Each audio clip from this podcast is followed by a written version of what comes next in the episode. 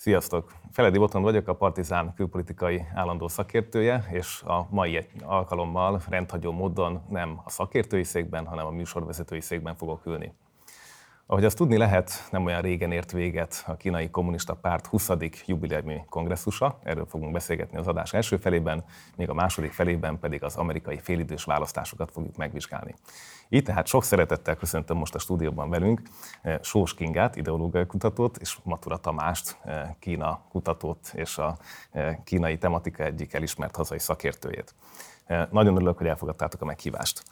A kínai kommunista pártról nagyon keveset beszélünk, mint szervezetről, és ez egy eh, olyan problematika, ami eh, eléggé eh, szétválasztható, hogy mit gondol a kínai társadalomban, egy párt, ez egy hatalmas struktúra, és ez most egy jubileumi kongresszuson hozott rengeteg fontos döntést.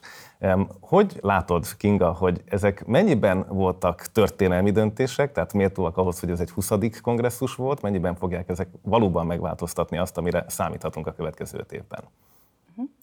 Hát én Először is szerintem fontos azt tisztázni, hogy mekkora szervezetről is van szó, mert itt említetted, hogy keveset beszélünk róla, de ez közel 100 millió főt számláló pártról van szó, de egy hatalmas, hatalmas szervezetről. És én azt látom egyébként, hogy az, ami most történt a pártkongresszuson, az beleillik egy a 2012-es év óta szépen lassan épülő centralizációs folyamatba gyakorlatilag.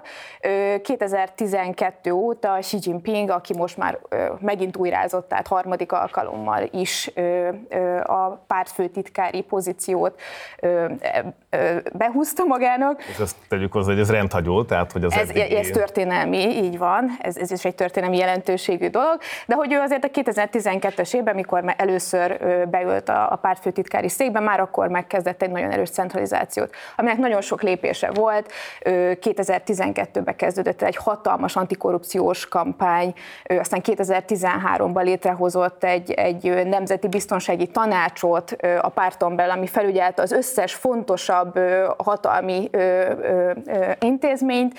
Ennek nyilván ő lett a feje. Ugye fontos tudni azt is, hogy Xi Jinping nem csak pártfőtitkár, hanem ő lesz valószínűleg Kína következő elnöke is, jelenleg is ő Kína elnöke. Ugye ennek a, a beiktatása majd valószínűleg jövő év elején fog sor kerülni, illetve ő ugye a katonai bizottságoknak is a vezetője, tehát hogy meg számos más intézménynek is, szóval egy nagyon központi figura. Tehát én azt mondanám, hogy igazából történelmi jelentőségű persze, de az is van, hogy ez egy folyamatos építkezésnek az eredménye, ami most történt, hogy valóban egy, egy, egy egységesítő, centralizációs folyamatnak, azt nem mondanám, hogy a végpontját, de egy eléggé, eléggé szélsőséges pontját látjuk most. Így van, tehát hogy pont, hogy nem a végpontja, hanem ahogy ezt te is mondod, itt egy folyamatos eh, politikai eh, építkezés zajlik, ami nagyon kivételes, hogy nem tíz évig tart egy pártfőtitkár számára, hanem hosszabbítási lehetőséget kapott. És ha eh, jól látom a híreket, akkor ez a hosszabbítási lehetőség most egy jenani látogatással folytatódott, aminek azt hiszem különös jelentősége van, és Tamás, ha megkérhetlek, magyarázz ezt el nekünk, hogy Jenanba elmenni egy frissen választott újabb öt éves ciklusra, ami az eddigi szokások szerint nem lett volna benne a pakliban, ennek vajon milyen ideológiai jelentősége van? Talán onnan nyitnám a dolgot, hogy maga a 20. pártkongresszus egy nagyon jelentős döntésnek a nagyon jelentéktelen eseménye volt. Arra utalok itt ezzel, hogy maga a döntés az a kínai belpolitikára jellemző módon jóval korábban megszületett. Ugye idősebb nézők, vagy a fiatalabbak is akár emlékezhetnek a kremlinológia kifejezése, ami hidegháború idején a nyugat próbálta ez alapján eh, retusált fotók és egyéb ilyen kihanyadikként ül a sorban jelek alapján kifundálni, hogy mi is történt történik a Szovjetunión belül. Na most azt gondolom, hogy a kremlinológ ez egy viszonylag egyszerű dolog ahhoz képest, hogy Kínát próbáljuk meg megfigyelni kívülről, hogy mi történik a belpolitikában, hogy szivarfüstös vidéki palotákban milyen döntések születnek. Tehát még kevesebb információ Még kevesebb információnk van, abszolút, ugye egyszerűen teljesen lehetetlen belelátni. Nagyon érdekes megnézni azokat a kutatásokat, amik azt próbálják bemutatni az elmúlt években, sőt évtizedekben a pártkongresszusok előtt.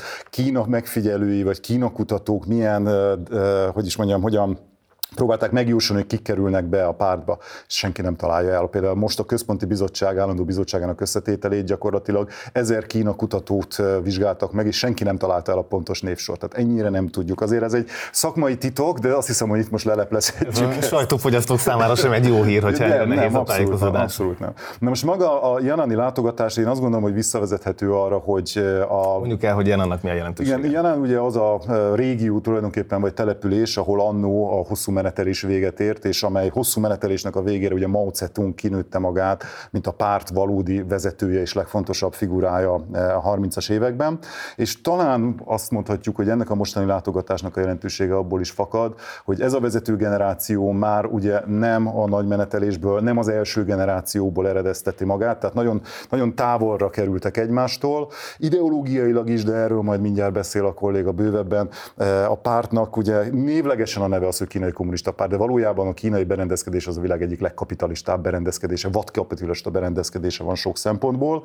Ha megnézzük a hétköznapokban ezeket a mauzubonyokat már nem is nagyon látjuk a, a, a vezető tisztségviselőkön, általán öltönyben vannak, kivéve egyébként pont az ilyen párteseményeket, ahol még a naftalinból előkapják ezeket a mauzubonyokat és felveszik. Tehát én azt gondolom, hogy próbál itt Xi Jinping visszanyúlni ahhoz az eredeti és eredendő legitimációs forráshoz, ami a pártot jellemezte évtizedekkel ezelőtt, aminek talán még inkább nagy jelentősége van napjainkban, hiszen az eddigi másik fő legitimációs forrás a folyamatos és permanens megbízható gazdasági növekedés, ez ugye olyan veszélybe került, hogy vissza kell nyúlni ehhez az eszközhöz, és talán a nacionalizmushoz is, de ezt majd még meglátjuk, mert ez egy nagyon kétélű fegyver. Azt hiszem a gazdaságról és a nacionalizmusról is érdemes még beszélgetni, de előtte valóban nézzük meg egy pillanatra még az ideológiai élét ennek a pártnak. Tehát 2022-ben vagyunk, és egy kínai kommunista párt nevű szervezetről beszélgetünk, ugye Kubában van még kommunista párt, tehát hogy ez e, mennyiben kommunista egyetértesz ezzel, hogy igazából ez már csak egy fügefa levél, egy vadkapitalista szervezeten, vagy pedig ez tényleg valahol még mélyen ott vannak ezek az ideológiák, hiszen harcolnak piaci erők ellen, főleg Xi Jinpingnél látunk ugye ilyet, hogy azért tő, e, tőkekapitalizáció tőzsdékről kiirtott több milliárd dolláros nagyságrendben, tehát nem fért nagyon a kapitalizmust is megnyírmálni. Mennyiben kommunista a kommunista párt?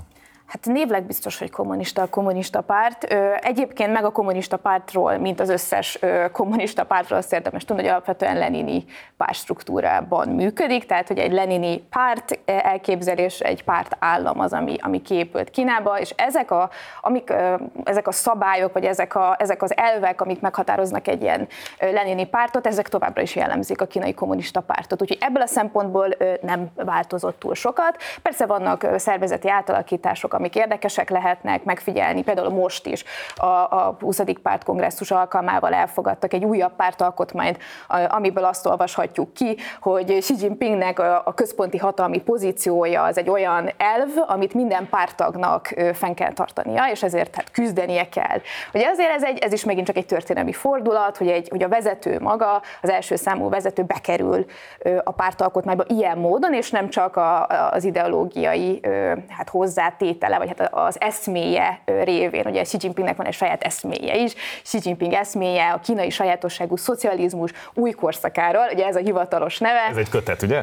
Ez nem csak egy kötet, ez egy, ez egy, ez egy ideológiai, filozófiai, gazdaságpolitikai, kormányzással kapcsolatos elképzelés összesség, aminek vannak elméleti vonatkozásai, és amihez kapcsolódik egy több, imáron három kötetes Kína kormányzásáról című ilyen beszédgyűjtemény, eredmény is.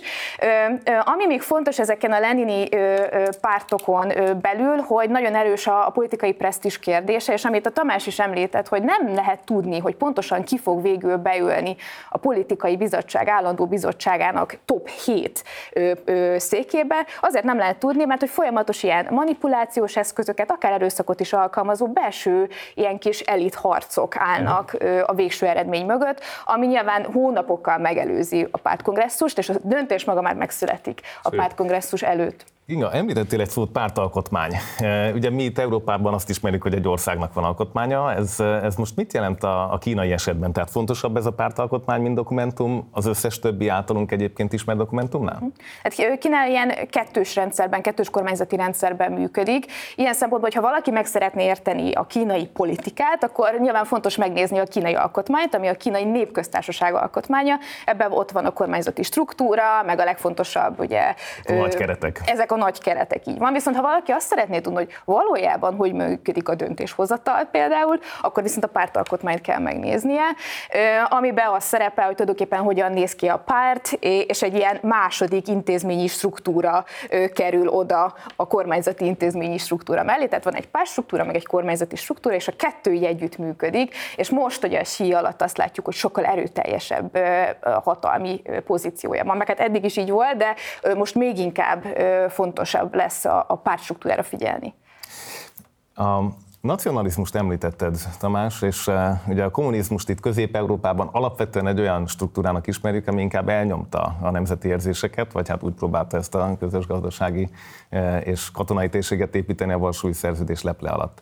A kínai kommunizmus ebben um, hasonló utat jár, vagy pedig éppen ellenkezőleg? Tehát hogy áll a nacionalizmushoz ugye a, a többségi társadalom? Ez a kezdetektől fogva eltérő utat járt ezen a téren egyébként a kínai kommunizmus, tehát már a maoista időkben a szemben a szovjet internacionalizmussal, a nacionalizmusnak sokkal erősebb szerepe volt a kínai döntéshozatalban, illetve magában a párt felépítésében is. Ennek az alapvető oka ugye a 19. században az elnyomás, illetve a megaláztatás évszázadában keresendő, amikor ugye külföldi, elsősorban európai, aztán később Japán és más hatalmak Kínát részben eh, elfoglalták, felosztották, tehát volt egy ilyen külső eh, elnyomás más Kínán. Már egyébként a pártnak az ős legitimációja, az pontosan ebből fakad, ugye azt a e, legendát terjesztik, hogy a kínai kommunista párt sőt személyesen Mao Tse-tung verte ki az országból, főleg a japánokat a második világháború végén. Ez nem egészen igaz ebben a formában, de alapvetően ez volt az egyik legfontosabb legitimációs forrása. És azóta is a nacionalizmus egy fontos eszköz a kínai vezetők körében.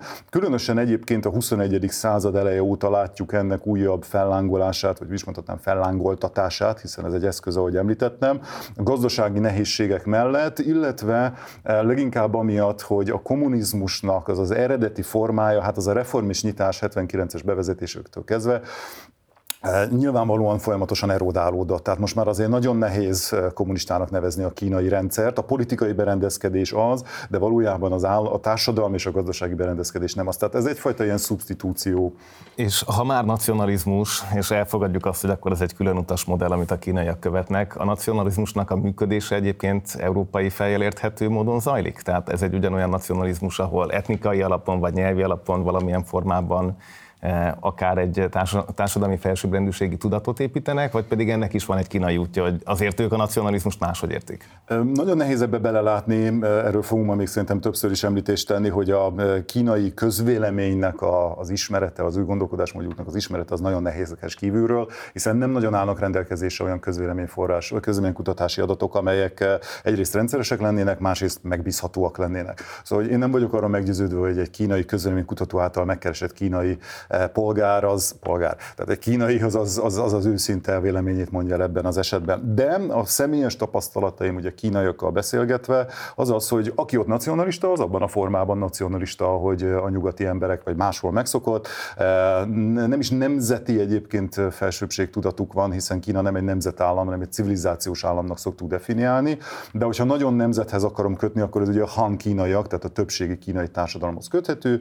Eh, elég csak arra gondolni, hogy ugye ugye Kína neve kínaiul, az Zhongguo, tehát középső birodalmat jelent, vagy középső civilizációt jelent. Azt hiszem, hogy ez mindent elmond arról, hogy a kínaiak nem ma, hanem az elmúlt évszázadokban, sőt évezredekben mennyire középső, mennyire fontosnak tekintették magukat. Pont az előző párkongresszus környékén, pontosabban azután volt Xi Jinpingnek egy nagyon fontos beszéde arról, hogy a 2050-re, tehát lényegében a száz éves évfordulójára a kínai népköztársaság fennállásának, a középső birodalom hogyan tér vissza a világpolitika, világpolitika színpadának közepére.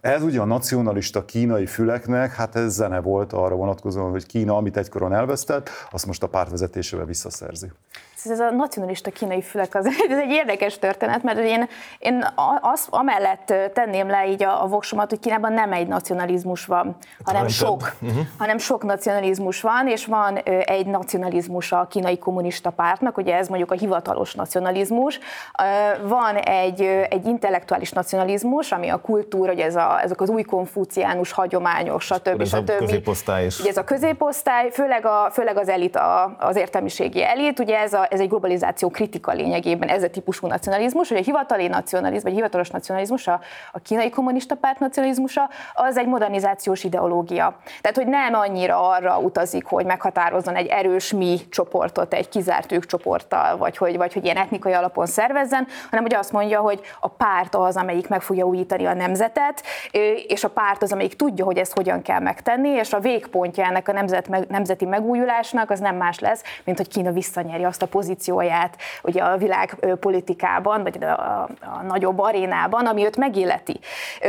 Az intellektuális diskurzus megint más, hogy az értelmiségi diskurzus, van egy harmadik, amiről a Tamás az előbb beszélt, ugye ezek a, ezek a népi nacionalista érzelmek. Ezek lokálisak ezek, is. ezek lokálisak, ezek olyan szempontból banálisnak is szoktuk őket hívni, hogy ezek, ezek nagyon egyszerű, főleg negatív érzelmekre épülnek, ugye a japánokkal szemben például, és ezeknek folyton vannak ilyen kisülései. 2012-ben, 2016-ban tüntetések. Sokan azt mondják, hogy ezeket a párt szervezi egyébként. Én amellett érvelnék, hogy a párt biztos, hogy támogatja ezeket, vagy hát a párt nacionalizmusra támogatja ezeket, viszont ez egy probléma is a pártnak, hogy ezeket kontrollálni kell egy ponton. Mert tudjuk azt, hogy hogyan működnek a nacionalista érzelmek, hogyha nincsenek megfelelő kontroll alatt. Ez... Illetve ha nem sikerül őket végül kielégíteni. Tehát Pontosan. ugye a ez a nagy gondja. Ugye, ha, ha jól olvastam annak idején, akkor voltak pillanatok, amikor ezt felkorbácsolják, most akár egy japán-kína kapcsolatban, máskor megtörölni kellett a Weibo-ról és Így más van. helyekről nacionalista van, így üzeneteket, pont azért, hogy azért ne, hogy a párt kontrollja alól kicsusszanak ezek a regionális nacionalizmusok.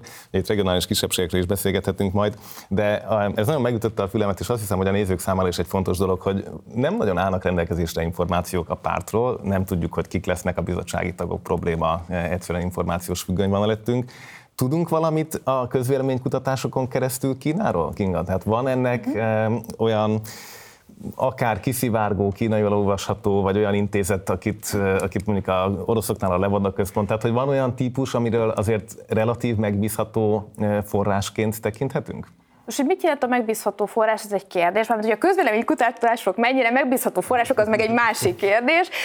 Én azt mondanám, hogy az biztos, hogy a kínai állam folyamatosan monitorozza az állampolgárait, mert nagyon fontos az a számára, hogy mit gondolnak, hogy, hogy mennyire, mennyire támogatóak a rezsimmel kapcsolatban, és mik azok, a, mik azok a problémák, amik, amik, amik triggerelhetnek valamiféle ellenállást. Hát ugye azt, mondhat, én azt mondanám egyébként, hogy nagy részt, nagy részt el vannak ezzel a rezsimmel, főleg leginkább is semlegesen. Amit biztos, egy-két ilyen közvéleménykutatás azért megjelenik, amit kínai közvéleménykutató cégek végeznek el külföldi kutatók számára kínai nyelven. Ezeket jellemzően pár ezer ember tölti ki, tehát a minta sajnos nem olyan nagy. Ezekből az derül, meg hát nyilván olyan szempontból is nem megfelelő a minta, hogy általában a tanultabb, tehát a középosztálybeli réteg tölti ezeket, akinek van hozzáférése például az internethez, és ezeket használja is. Na ezekből az derül ki, hogy a párt, tám, vagy a párt és a pártállam támogatottsága együtt mozog a nacionalista érzelmekkel, tehát minél nacionalistább egy kínai, nagy valószínűséggel annál inkább lesz támogatója a fennálló nacionalistább, annál kommunistább. Azért egy, hát jó. Ez egy... Én, én ezt egy ilyen posztszocialista rendszernek hívnám, semmiképpen sem kommunistának, de ez csak egy zárójeles megjegyzés. Ugyanakkor azt is láthatjuk, hogy, hogy kettő társadalmi osztály tűnik nagyon nacionalistának, ugye az elit, a gazdasági elit, meg az értelmiségi elit, illetve az alsóbb, az, az alsóbb osztályok, és az elit viszont nem annyira támogatja a rezsimet. Tehát, hogy vannak ilyen, vannak ilyen, hát ilyen irányok, amik úgy tűnnek, hogy... Félti a vagyonát, vagy tehát itt ilyen praktikus megfontolások vannak? Hát érzékeny arra, igen, meg hát egy ponton túl nyilván ők még szabadabb befektetési környezetet uh-huh. szeretnének. Így van, és azért az, hogy mennyire vadkapitalista a kínai állam, hát azért az, az, az, az állam az ott marad továbbra is, tehát hogy ez egy, ha, ha nagyon a kapitalizmus terminológiát kéne alkalmaznunk, akkor egy ilyen államkapitalista, nem szeretem ezt a kifejezést Kínával kapcsolatban, mert szerintem ez félrevezető.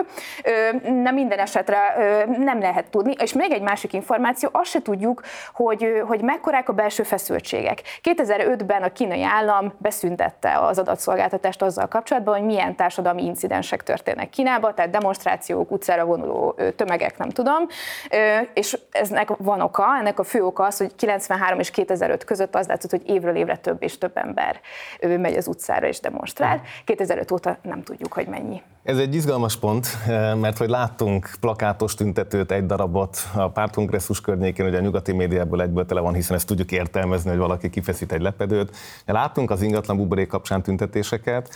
Tamás, te látsz-e még ezen a nacionalizmus történeten kívül olyan törésvonalat, amit tudunk értelmezni, és tényleg meghatározza a kínai politikai eseményeket? Tehát mi, mi az a egy-két olyan törésvonal, amire még számíthatunk? Én azt gondolom, hogy a gazdaság a legfontosabb, tehát ez teljesen egyértelmű, az előbb általad is említett eh, ingatlanpiaci buborék, illetve annak a kipukkadása, vagy jobb esetben lassú leeresztése az, ami a kínaiakat szerintem a legjobban aggasztja. Ennek a fő az, hogy a középosztály vagyonának a döntő többsége az ingatlanban hever, hogy úgy mondjam, és hogyha ez evaporálódik ugye egy összeomlás miatt, akkor, akkor ebből nagyon komoly gondok lehetnek.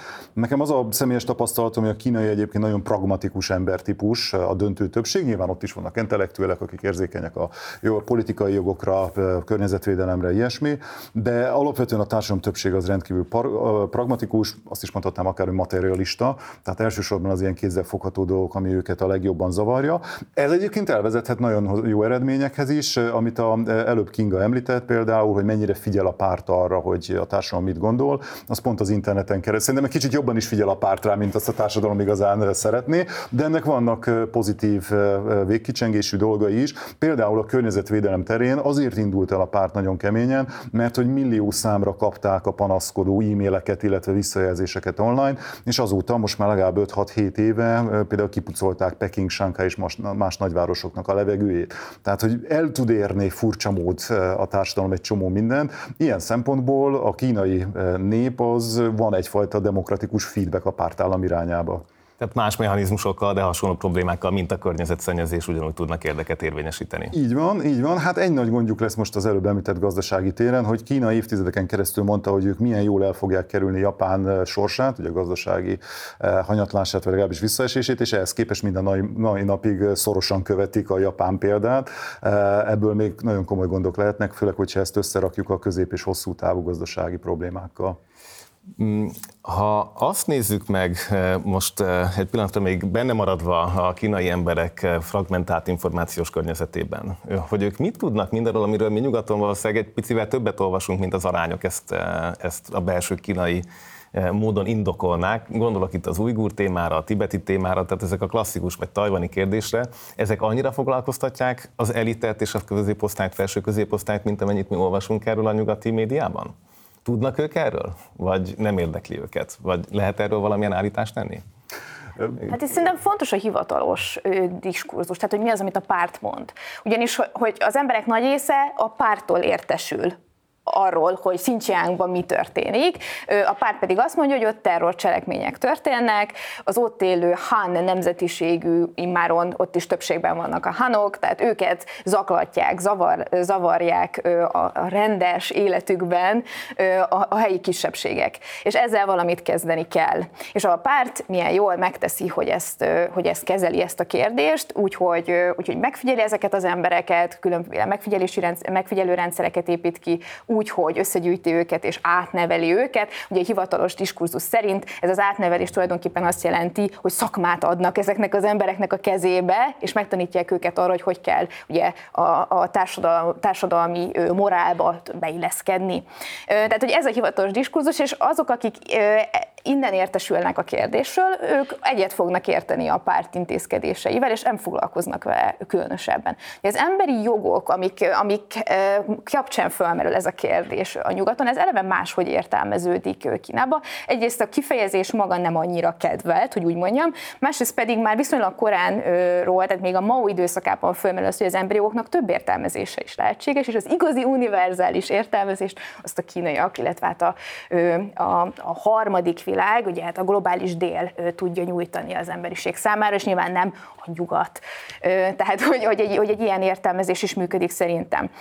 Úgyhogy azt mondanám, hogy ez, ennyit, ennyit látnak belőle. Az emberi jogok, mint ideológia, egy nagyon izgalmas kérdés egyébként. Igen. Erre egy mondatot ráfűzhetek, hogy mit tudnak a kínaiak arról, ami most történik Xinjiangban. Mindeközben mondjuk itt Magyarországon általam tanított kínai diákoknak feltesszük a kérdést, hogy akkor mit tud Tiananmen térről, ami 30 éve volt, és egy jelentős részük semmit. Tehát nem hallott róla, vagy csak, hogy jaj, ott volt valami, de a párt elintézte, és akik mondjuk olyan családból jönnek, amelyik ellenzi ugye a jelenlegi rezsimet, azok tudnak róla. Tehát, hogy 30 éve lezajlott eseményekről, ami nálunk ugye egy ilyen alfája és omagája a Kínához való viszonyulásnak, eh, mai kínai fiatalok semmit nem tudnak, tehát ott gyakorlatilag százszázalékos az információs eh, monopóliuma az államnak. Tehát a politikai emlékezetnek az irányítása az ugyanúgy egy fontos eh, pártevékenység, azt hiszem, hogy ezt ismerjük amúgy is a külpolitikában. És még egy dolog, még egy dolog, amit szerintem itt fontos Tibet kapcsán is kihangsúlyozni, meg, meg, meg Szincsen kapcsán is kihangsúlyozni, hogy a párt abba is fektet energiát, hogy ezeket ilyen szeparacionista mozgalmakként vázolja, és innentől kezdve meg visszakanyarodunk a nacionalizmushoz. Miért akarja felszabdalni a gyönyörű Kínát egy kisebbség? Tehát, hogy, hogy így meg, meg, meg tud ezt pengetni ilyen nacionalista húrokat is ez a kérdés. Azt hiszem, hogy adtunk egy picit más perspektívát arra, hogy egyébként, ha belülről próbálnánk nézni Kínát, akkor mit látunk.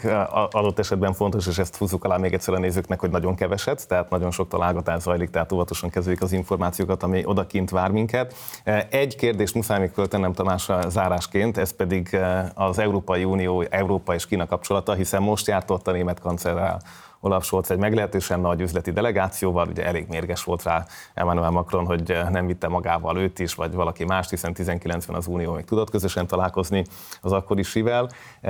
Hogy látod, hogy a mostani pártkongresszusban hozott döntések, az új bizottsági kinevezések, ezek mutatnak valamiféle új külpolitikai irányt, héjább irányt az európaiakkal szemben, velünk szemben? Külön az európaiakkal szemben nem, de ha megnézzük eh, sí beszédét, illetve annak a leíratát, akkor erről készültek elemzések elemzések, hogy milyen toposzokat hányszor említett. És az előző párkongresszusokhoz képest azt látjuk, hogy nagyon erősen visszaesett például a gazdasági növekedésnek a, az eset száma, ahányszor ő említette, és rendkívül megnőtt, és egyébként az első, első helyre ugrott a biztonság, a külső fenyegetettséggel és a technológiai fejlődéssel kapcsolatos toposzok. Tehát azt látjuk, hogy sí alatt az ország elindult egy ilyen külső ellenségkép irányítása, külső ellenségkép létrehozásának az irányába, ez számomra egyébként rendkívül aggasztó. Azért, mert nagyon sokszor azt szoktuk mondani mi Kína kutatók, hogy a kínai emberek a gazdasági fejlődésbe, tehát a békés nemzetközi környezetben érdekeltek, magyarul nem jó nekik bármiféle nemzetközi konfliktus a környezetükben. Na de mi van, ha mostantól fogva mást mondanak nekik? Tehát mi van, ha elkezdünk felépíteni, vagy elkezd a párt felépíteni egy olyan narratívát, hogy itt mi külső támadás alatt állunk, nekünk, mint egy sündisznó fel, fel, kell, fel kell fegyverkeznünk, hogy a technológiai önellátásra kell átállnunk. Na most, hogyha elkezdik ezt a kínai emberek elhinni, akkor már is sokkal könnyebb lesz egy konfliktusosabb külpolitikát folytatni. Egyébként Scholznak a látogatása szerintem több szempontból is rendkívül szerencsétlen volt. Egyrészt előző nap publikált egy cikket a Frankfurt Allgemeine Zeitungban, amiről arról beszélt, hogy kínai központú világrendet nem szabad megengedni, hogy létrejöjjön, fel kell lépnünk az emberi jogok érdekében. Tehát leadta az itteni dumát, aki a, a német belső piacnak, majd kiment Kínába, és akkor ott már ugye nagy pénzügyi delegációval. Még a hamburgi kikötő negyedén gyorsan így van, tehát gyorsan azt mondták, hogy de hát azért nem szabad a gazdasági együttműködésnek és az üzleti együttműködésnek gátat vetni. És amit nagyon rossz volt ennek az optikája egyébként ez az, hogy ez kínai kulturális szempontból úgy nézett ki, hogy a császárt hát most újra választották, és ugye az egykori tributárius rendszerre az volt jellemző, ez ugye a Kína körüli kisebb államoknak volt a nemzetközi rendszere Kínával, ahol a császár színe elé kellett járulni időnként a kisebb államok vezetőinek, ott térdre borulni, kilencszer a földre hajtani a fejüket, és ezzel mutatni, hogy ők ugye a sinoszférába tartoznak. Na most az, hogy a német kancellár napokkal Xi Jinping császárrá felkoronazásra felkenése után megjelenik Berlinben egyedül, tehát megint csak nem képvisel egy nagyobb alakulatot, mint az Európai Unió, Unió.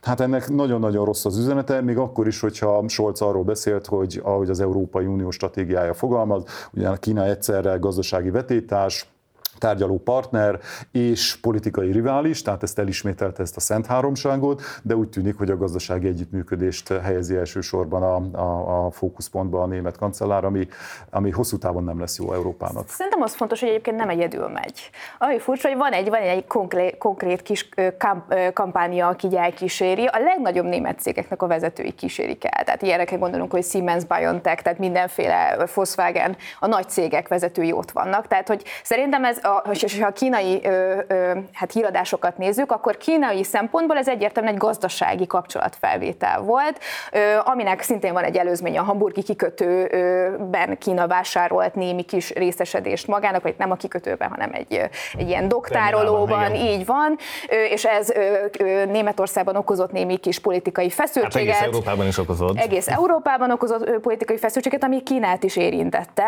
és hát ugye ennek egy ilyen, ilyen follow-upja lehetett ez a, ez, a, ez a találkozó. Valószínűleg Xi sem alapvetően csak scholz tárgyalt, hanem ott voltak a kínai részről is azok a gazdasági vezetők, akik, akik fontosak lehetnek egy ilyen, ilyen szintű tárgyaláson. Tehát, hogy a, ha a diplomáciai szabályokat nézzük, akkor ez egy gazdasági jellegű vizit volt, ami más, mint egy politikai jellegű vizit. Politikai kérdések is ugye, szóba kerültek, de hát láttuk, hogy csak éppen hogy. Igen, ez azt hiszem mindig egy nagy kérdés az Európai Unió-kínai kapcsolatokban, főleg a következő években, hogy mennyiben marad meg gazdasági téren, és van-e olyan, hogy business as usual. Ugye ez mostanra nagyjából német állásponttá szűkült, míg az Európai Unió többi tagállama akár komolyabb konfliktust is vállalt, mint Litvánia Tajvan kapcsán, vagy pedig azt látjuk, hogy a beruházásvédelem és más területeken igen komoly építkezések zajlanak az európai piacvédelem visszaépítésében. Nagyon köszönöm, hogy elfogadtátok a meghívást, örülök, hogy tudtunk erről beszélgetni, és megnéztük a csendes óceánnak ezt az oldalát. Az adás további részében pedig ráfordulunk a csendes óceán túloldalára, mégpedig az Egyesült Államokra, ahol holnap lesz az a félidei választás, ami nagyon komolyan meghatározhatja azt, hogy akár az Európai Unióval milyen kapcsolatban lesz Washington és a Fehérháza következő kettő évben, meghatározhatja azt, hogy 2024-ben az amerikai következő elnökválasztáson vajon Donald Trump, illetve a republikánusoknak a konzervatív szárnya milyen esélyekkel indul, és azt is, hogy Biden elnöknek eh, mennyi mozgástere marad a következő két évére, egyáltalán a demokraták mit fognak tudni kezdeni azzal a helyzettel, ami valószínűleg inkább vereséget hoz számukra. Ezzel fogunk tehát foglalkozni, nézzünk meg egy rövid felvezetőt, amiben belepillanthatunk a politikai kampány hangulatába. Democrats like to say that no one needs an AR-15 for self-defense. That no one could possibly need all 30 rounds. But when this rifle is the only thing standing between your family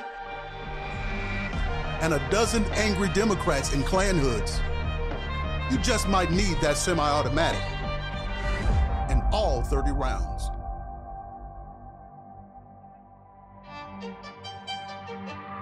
The election in five weeks is the most important midterm election in the modern history of this country.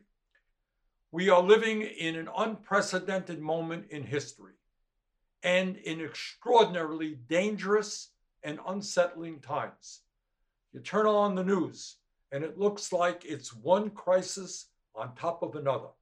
It's the economy, it's climate change, it's the attack against abortion rights, it's the pandemic, it's the war in Ukraine, and perhaps most importantly, it's the growing effort by Republicans to undermine the very foundations of American democracy. Higher gas prices. They're building a wall around D.C., but they're not protecting our borders. They're laughing at us. Now they're going to try to take away our guns? Oh, hell no. The election was rigged and stolen, and now our country is being destroyed. I ran twice, I won twice, and did much better the second time than I did the first getting millions more votes in 2020 than I got in 2016, and likewise, getting more votes than any sitting president in the history of our country by far. And now, in order to make our country successful and safe and glorious, I will very, very, very probably do it again, okay? Very, very, very probably. A bejátszók kiválóan mutatták azt, hogy egy mennyire polarizált társadalmi környezetben történik a mostani választás, ahol a szavazók két tábor, a republikánusok és demokraták egymást gyakorlatilag nemzetbiztonsági kockázatnak tekintik. Egy friss felmérés szerint a válaszadók 44%-a az Egyesült Államokban azt gondolja, hogy egy titkos csoport irányítja az országot, rengeteg típusú összeesküvés elmélet évek óta szépen virágzik az országban. Ebben a környezetben kerül sor arra a félidős választásra, ahol a kongresszus befolyásolása a tét, és rengeteg olyan pozíció, amit az államok saját területén töltenek majd be tisztviselők, kormányzók és mások. Ebből a szempontból fogjuk most körbejárni, hogy milyen jelentősége van a választásoknak, és sok szeretettel köszöntöm a stúdióban Sebők Miklóst és Baranyi Tamást. Nagyon köszönöm, hogy elfogadtátok a meghívást. Köszönjük szépen. Tekintsünk rá arra, hogy mi lehet szerintetek a jelentősége ennek a választásnak, hiszen látjuk, hogy van, akinek ez a fegyvertartásról szól, rengeteg politikai narratíva van arra, hogy miről is szól ez a választás, de miről szól szerintetek valójában a választás, Miklós? Hát az, hogy valójában miről szól, az attól függ, hogy ugye ki az, aki értékeli. Nyilván Magyarországról nézve másról fog szólni, mint az amerikai választók széles rétegei számára. De alapvetően, hogyha a tétet akarjuk meghatározni, akkor a tét az egyértelműen az, hogy a, Biden adminisztráció szempontjából ugye ez egy félidős választás, és az, hogy a második félidőben mire lesz képes a, a, a Biden elnökség a, és, a, és a Biden kormány, azt alapjaiba fogja be, meghatározni ez a választás, hiszen hogyha elveszítik a kongresszus mindkét házát, amire azért van esély, az alsóházat azt szinte biztosan elveszítik, a szenátus esetében ez egy teljesen még bizonytalan kérdés, akkor gyakorlatilag semmilyen törvényhozásra nem lesz lehetőségük, és, és a politika átkerül egy ilyen szimbolikus dimenzióba, és az egész az, az egy Biden-Trump, vagy egy demokrata jelölt és a leendő Trump újraindulás közötti előkampányán fog változni. Ezt hogy látod, Tamás, hogy ez a jelentősége, vagy pedig ugye azért a midtermseket, tehát a félidei választás nagyon gyakran veszíti el a regnáló elnöknek a pártja, tehát van ebben most valami, ami rendhagyó? Igen, a midterm az mindig egy nagyon bonyolult választás, ugye a a képviselőház egészét, a szenátus egyharmadát, és 30 valahány kormányzót mindig megválasztanak. Ez földrajzilag nagyon széttartó területek, mindig bejönnek a helyi szempontok sokkal inkább, mint, a, mint az országos választásokon, vagy szóval a nem félidősökön, ahol elnököt is választanak, és, és jobban leuralja az országos politika. Általában itt 40% körül szokott lenni a részvétel, míg mondjuk az országosan 60%, és ez azért világosan jelzi, hogy, hogy ez, ez egy eltérő típusú választás. Ugyanakkor a helyi ügyek mellett nyilván nagyon fontosak ezek a nagy szimbolikus kérdések is, bár szerintem jelenleg a legfontosabb kérdés valószínűleg a, a gazdaság, a megélhetés, az infláció, illetve hát azok az ügyek, amiket láttunk is a bejátszóban, az, hogy valóban van republikánus oldalról egy ilyen mainstream ellenesség, egy elit ellenesség, a demokrata oldalról pedig gyakorlatilag annak a leszögezése, hogy, hogy, hogy ez a civilizált politika alapja az Egyesült Államokban, és amit a republikánusok csinálnak, az pedig ezt akarja fölforgatni. De republikánus oldalról nyilvánvalóan azt állítják, hogy ez az eredeti amerikai szabadságjogok, amikért ők kiállnak. Tehát van egy nagyon jelentős, szimbolikus, az egész amerikai demokrácia alapjait érintő kérdés is ebben. Én azt gondolom, hogy a politikai tétje ennek az egésznek alapvetően a republikánus párt további sorsa igazából. Vajon tényleg egy nagy győzelmet arathat-e a republikánus párt úgy, hogy döntően azért a Trumphoz közel álló a párti jobboldali szárnya erősödött meg az elmúlt időszakban, és tényleg ez lesz az út a továbbiakban. Nyilván egy, egy, egy jelentős győzelemmel ez bebiztosítható, ha pedig nem lesz igazán jelentős a győzelem, vagy olyan felemáson alakul a helyzet, akkor ez még megváltozhat. A hétvégi adatok azt mutatták, hogy már közel 40 millióan leadták előre a szavazatokat, ami egy aránylag magas szám a félidei választásokban, ez egy picit azt is bizonyítja, hogy azért ezek a polarizált társadalmi témák, amit az immár konzervatív többségű legfelsőbb bíróság is egy éve keményen behozza a, a köztudatba, ezek megmozgatják az embereket. Itt ugye az abortusz döntés volt az, ami visszaadta az államok számára, tehát az Egyesült Államokat alkotó államok számára, hogy eldönthessék, hogy ez hogy állnak.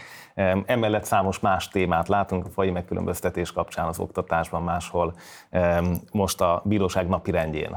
Ezek a témák mennyire mozgatják a szavazókat, számíthatunk-e nagyobb részvételre, és tényleg erről szól el, hogy egyszerűen a, a, a gazdasági problémák mellett, ami Európában is rengeteg választás dominál, van-e itt egy extra adag ideológia most 2022-ben? Szerintem egyértelműen van, és a számok is ezt mutatják, tehát a legfontosabb csatatér államokban, mint például Nevadában vagy Georgiában, ott egyértelműen meghaladják az előzetes szavazás és a levélszavazásnak az adatai azt, ami korábban az ilyen félidős választásokra jellemző volt, tehát 2018-tán már most nagyobbak a számok, és bizonyos helyeken a 2016-os elnökválasztási évnél is nagyobbak a számok, ami azt jelzi, hogy lehet, hogy most ez egy kiemelkedő részvétellel járó választás lesz. Az, hogy ez mennyire vezethető vissza ugye a tematizációra, szerintem ez teljesen egyértelmű abban is igaza van Bernie Sandersnek itt a bejátszásban, hogy hatalmas a történelmi jelentőség ennek a választásnak, hiszen, ahogy ez már is hangzott, Donald Trump által favorizált jelölteket indít a republikánus párt számos helyen, és hogyha ezek a jelöltek, akik alapjaiban tagadják azt, hogy a, ugye az előző választás után egy pucskísérlet volt a kapitólium ostrománál, ezek a, az emberek lesznek azok, akik ugye felelősek lesznek a választások tisztaságának a betartásáért, vesd össze állami kormányzók például. Ebben az esetben ez, ez egy sajátos pályára állíthatja az Egyesült Államokat a továbbiakban, hiszen megnyitja a lehetőségét annak, hogy vége láthatatlan pereskedések, vagy vége láthatatlan vitatkozás lesz arról, hogy valójában mi a választásoknak az eredménye, és ez azért évszázados távlatban nem volt jellemző. Erről a január 6-ról mondjuk el, hogy ugye ez eh, az a kapitólium mostoma volt az előtt a január 20-a előtt, amikor be kellett iktatni Biden elnököt a megválasztása után, és akkor ugye eh, elég komoly erőszak történt a kapitóliumon, amit azóta egy eh, vizsgáló bizottság is próbál kikutatni, hogy pontosan mi történt itt Trump elnök munkatársait, illetve már magát Trumpot is beidézték, bár nem valószínű, hogy meg fogják hallgatni, tudni. Tamás, te hogy látod az január 6 tematika, az, hogy itt volt-e ostrom, ki a felelős, ez, ez egy egész országot megoszt választótörésvonal, vagy ez egy motor inkább a republikánus trumpista táboron belül? Én azt látom, hogy mind a két téma, ami most fölmerült, tehát a legfelsőbb bíróság előtt álló ügyek, például a, a pozitív diszkrimináció kérdése, és a január 6-i kapitóliumi ostrom kérdése is alapvetően áttételesen jelentősek ebben a, ebben a választási küzdelemben. Szerintem a, az egyszerű ember nyilvánvalóan nagyon is hat a, a kulturális értékek körüli háború az Egyesült Államokban, de ez, ez szerintem ebben a nagyobb keretben esetben értelmezendő nem konkrétan a kapitóliumi ostrom, vagy nem konkrétan a pozitív diszkriminációs ügy a legfelsőbb bíróság előtt, amiről szerintem egy átlag amerikai igazából nem is nagyon tud addig, amíg, amíg nagyon nem tematizálja például a közéletet, tehát nem nagyon tudják szerintem, hogy mely nagy ügyek várakoznak a legfelsőbb bíróság előtt. Nyilvánvalóan, csak visszatérve egy pillanatra az előzőre, nyilvánvalóan vannak emberek, akiket a keszemükben érint ez a kérdés, a pozitív diszkrimináció ügye, viszont azt láttuk egyébként a legutóbbi választásokon, hogy a kisebbségi csoportok egyáltalán nem olyan egyöntetően szavaztak a demokratákra, ahogy azt korábban feltételezték, tehát ez egyet nem feltétlenül egy, egy, egy teljesen általános érvényű megkülönböztetés. Amit én inkább fontosnak érzek, az a republikánus táboron belüli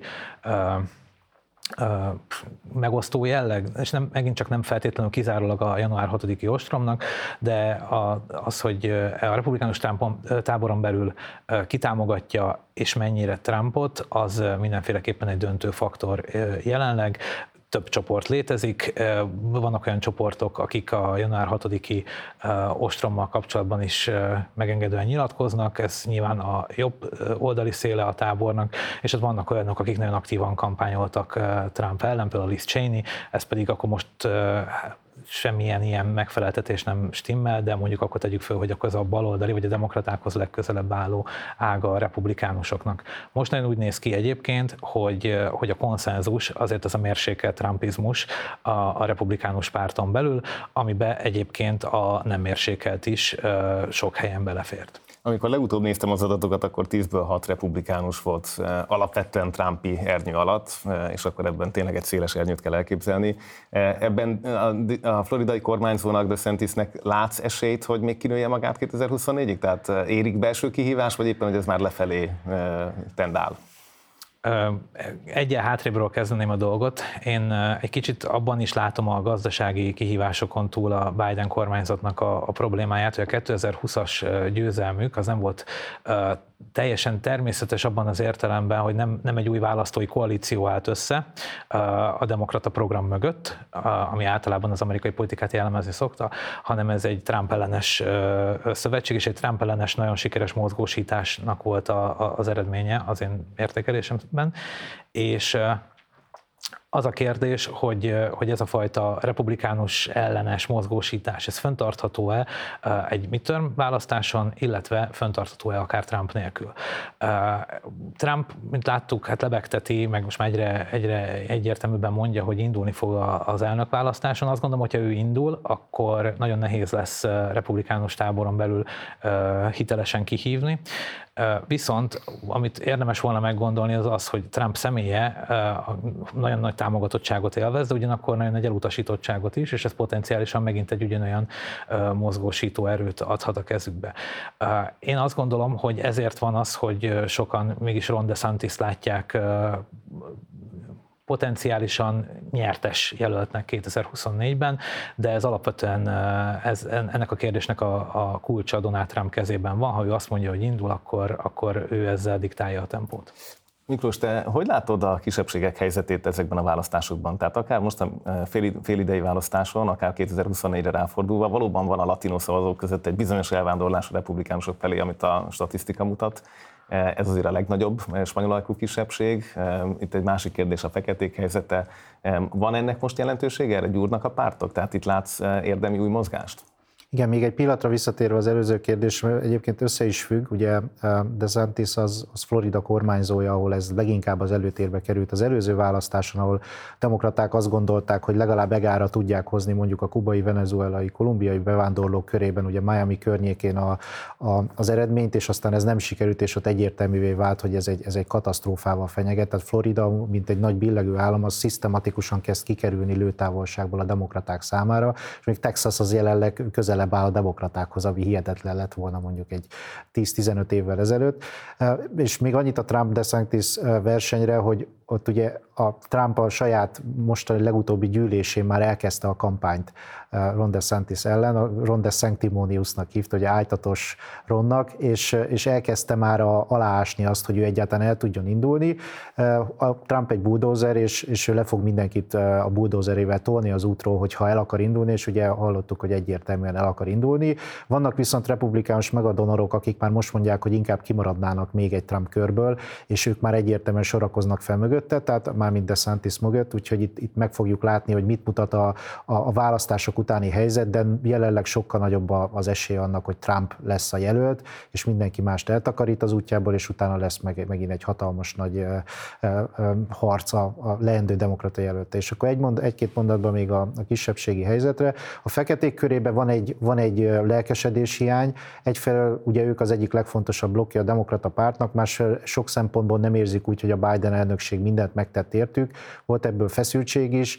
A, sok jelöltet is állítottak, akik jelenleg nem állnak úgy. Tehát a, a legnagyobb sztárok, akik ugye a fekete, mondjam, a arcélét adják a demokrata pártnak, azok ne, valószínűleg nem fognak nyerni, tehát georgiai kormányzóválasztás, észak-karolinai szenátorválasztás, wisconsini szenátorválasztás, ha végignézzük ezeket a jelölteket, akkor nem úgy néz ki, hogy egy hatalmas nagy fekete reprezentációja lesz a demokrata pártnak, a latinok esetében pedig teljes a megosztottság a tekintetben, hogy inkább mexikói ágról, vagy közép-amerikai ágról jöttek be, vagy pedig inkább úgymond a kommunizmus áldozatai, akik észak-kelet, Dél-Amerikából vándoroltak be.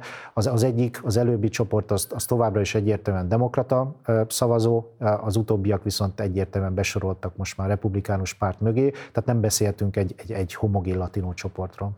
Így van, azt hiszem ez egy fontos megjegyzés, hogy, hogy innen nézve megint minden sokkal homogénebbnek tűnik, mint amikor az ember ott a terepen próbál tájékozódni. Ugye itt a, a, a választás, hogy mondjátok, a, hiába fél idei, azért valójában már nagyon sok részben 24-ről is az elnökválasztásról szól. Kérlek, nagyon röviden mondjatok egy véleményt még arról, hogy Biden utódja, illetve a demokraták elnökjelöltje, hogyha látszik bármi, és ugye Bernie Sanders-t ugyan láttuk, és a, a népszerűsége azt hiszem neki is felülről egy, egy üvegplafonnal véd védett. Van-e, van-e valami, ami látható a mostani mozgásból eh, a DeSantishez hasonlóan demokrata oldalon, Tamás? Én nem igazán látom ezt kibontakozni. Az, itt is egy párton belüli küzdelem van, azért, hogy a progresszívek és a, és a mérsékeltek között. A, a progresszívek, én hajlamos vagyok azt gondolni, hogy elérték a növekedésük határait, ez Bernie Sanders-en látszik igazából a legjobban, nagyon népszerű, fiatalok körében nagyon nagyokat tud menni a social médián, de úgy látszik, hogy az országos induláshoz azért nem tud elég támogatót a demokrata párton belül fölépíteni, és ez még akkor is így van, hogyha a progresszívek most már nagyon stabilan részei a kongresszusnak, ugyanakkor valami valamire azt sejtem, de ez teljesen csak kötszurkálás, hogy valószínűleg azt mégiscsak a, a középhez közelebbi jelöltet fog földobni a gép alól a Biden adminisztráció közeléből. E, ez még a jövő zenéje, de valószínűleg ezen még komolyan nem is gondolkoznak, mert ez inkább majd a midterm választások után kezdenek el elgondolkodni azon, hogy ki az, akit föl lehet építeni, mert a midterm meg fogja határozni a 2024-es választást is. Így van. Hát ugye hagyományosan mindig, a, hogyha az elnök nem indulna, akkor az alelnök lenne az, aki a, az alapbeállítás, hogy akkor ő fog indulni, de Kamala Harris teljesítménye az egyáltalán nem olyan szintű, hogy sokakban bizalmat keltene, hogyha mondjuk Trump ellen indulna, akkor bármifajta esélye lenne. Ezért elindult egy mozgolódás a demokrata pártban. Ugye tudni kell, hogy Biden elnök két héten belül 80 éves lesz, a, a történelem legöregebb amerikai elnöke. Ugye újabb négy év esetén az már 86 évet jelentene, tehát ebben az esetben mindig felmerül az, hogy egyáltalán fizikailag kibírná az újabb kampányt, és utána az újabb négy évet. Egyetlen egy olyan jelölt van, aki, aki úgy tűnik, hogy mozgolódik és, és ambicionálja ezt, még akkor is, hogyha ennek természetesen az ellentétét mondja, ez Gavin Newsom, kaliforniai kormányzó, aki, aki például hirdetéseket adott fel Floridában és Texasban kormányzó társai ellen, és ezzel is próbálta az országos alcérét eh, kidomborítani. Egy jóképű, jól szituált, eh, professzionális kommunikátorról van szó, aki azért ugyanúgy hajlamos eh, hibákra, mint Biden volt hajlamos, például ugye a Covid idején luxus éttermet kinyittatott a saját részére, és ott sikerült fényképekkel kerülnie. Tehát ő se tökéletes, de mindenképpen fiatalosabb, energetikusabb, és egyértelműen bevállalja a harcot, azt, amit Biden sokáig egyébként Trumpot inkább elkerülni, tehát el, el, megpróbálta elkerülni a Trumpal való közvetlen konfrontációt, és csak a utóbbi néhány hétben emlegeti mondjuk név szerint Trumpot Biden. Ugye az, hogy 2024-ben, ha Trump visszatérne ez a világpolitikára, nyilván jár következményekkel, ezt e, elég könnyű belátni, de 2022 is járhat már következményekkel.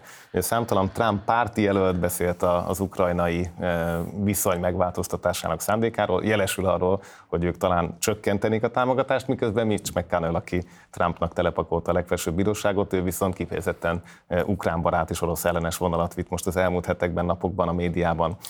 Lehet-e látni ebből valamit, hogy mi, a valóság mindezek mögött a kommunikációs nyilatok között? Tehát van-e valamilyen kikristályosodó orosz konszenzus, bipartizán kongresszus egy következő felállásban a kapitóliumon?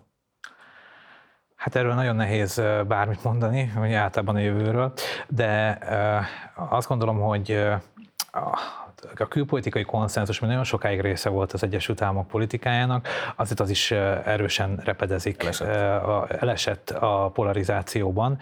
Érdekes, hogy azért nem beszélnék feltétlenül arról, hogy a republikánusok ilyenek, és a, és a demokraták pedig maradnak a mainstream, mind a két táboron belül vannak fontos szereplők, akik, akik megváltoztatnák ezt a politikai elemet.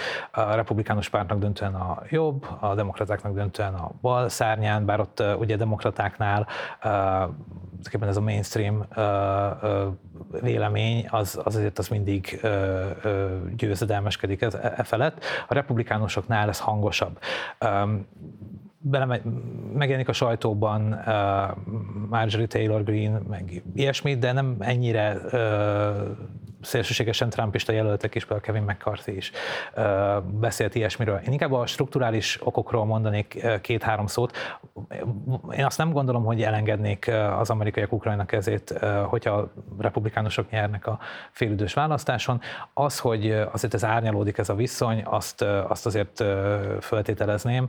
Ennek sok oka van, van, a republikánusok azok szerintem történelmileg mindig is hajlamosabbak voltak arra, hogy ezeket a külföldi partnereiket, hát hogy mondjam, kreatívabban kezeljék, mint a demokraták. Ez most a vietnamizációtól kezdve nagyon sok példát tudnék erre mondani.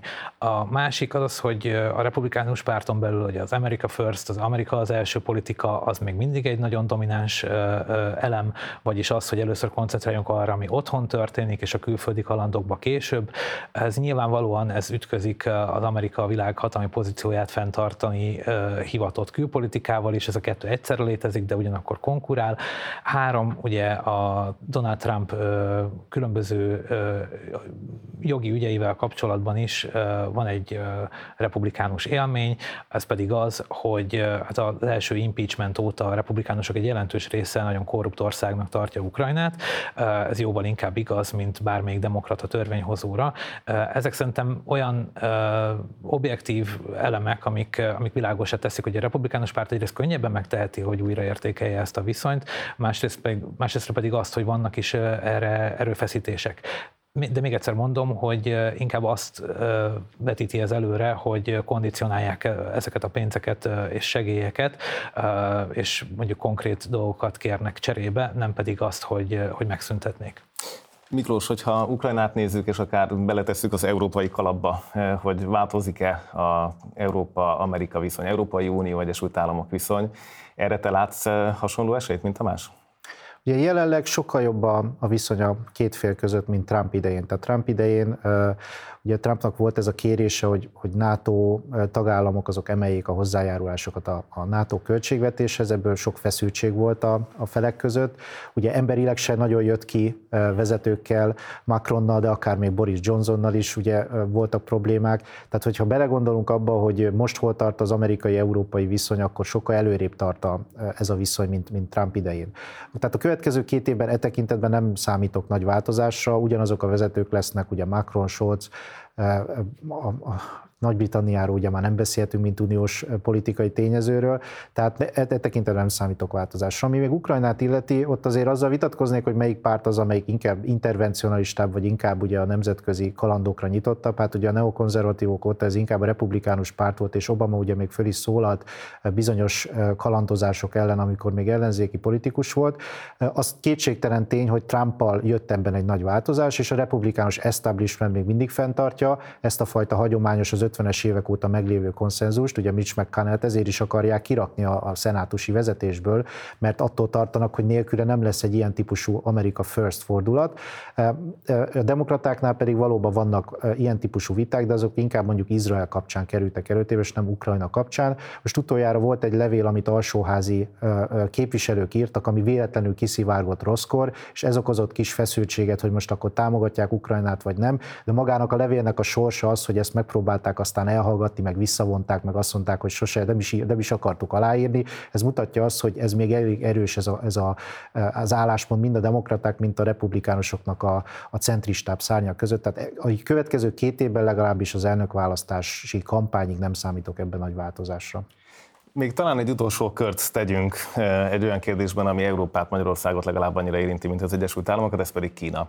Eh, tehát tudunk-e arról mondani valamit, hogy nagyon messziről nézve itt volt egy kétpárti konszenzus, legalábbis amikor Biden átveszi a stafétabotot Trumptól, tehát Kínával szemben a nyomás egyáltalán nem enyhült, Tulajdonképp a kereskedelmi szankciók legutolsó kis csomagjában a, a fejlett félvezetők, csipeknek az eladását ugye megint tovább korlátozták, ez is egy nagyon fontos és szimbolikus lépés volt a kínai kommunista párt kongresszus előtt.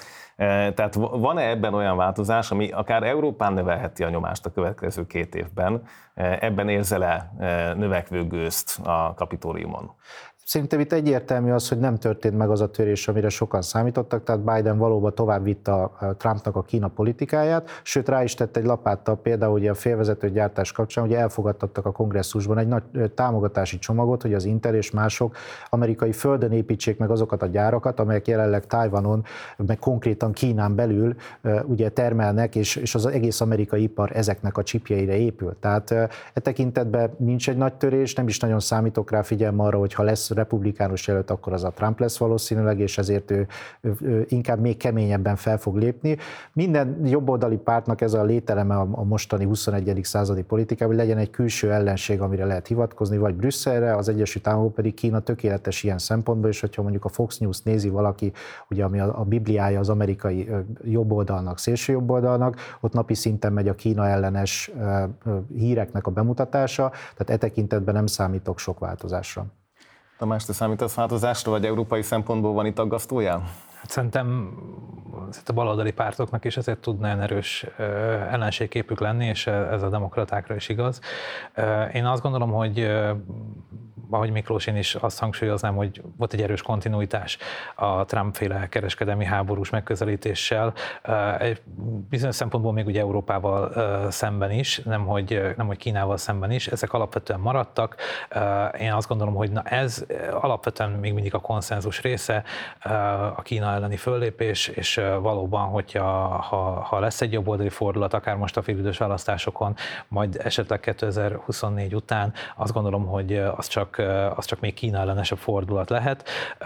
Most viszonylag határozott, de mérsékelt Kína ellenes politikát folytat az Egyesült Államok, és én szerintem ez idővel, még ha akár a demokraták 2021 után is maradnak, még akkor is szerintem csak mélyülni és súlyosbani fog. Köszönöm szépen.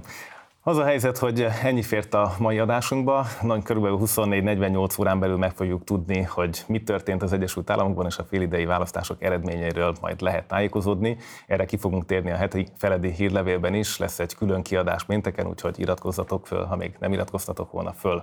Eh, nagyon köszönöm szakértőinknek azt, hogy csatlakoztak hozzánk, Sebők Miklós politológusnak és Varanyi Tamásnak, a Külügyi és Külgazdasági Intézet stratégiai igazgató helyettesének, hogy köszönöm. elmondták eh, véleményüket.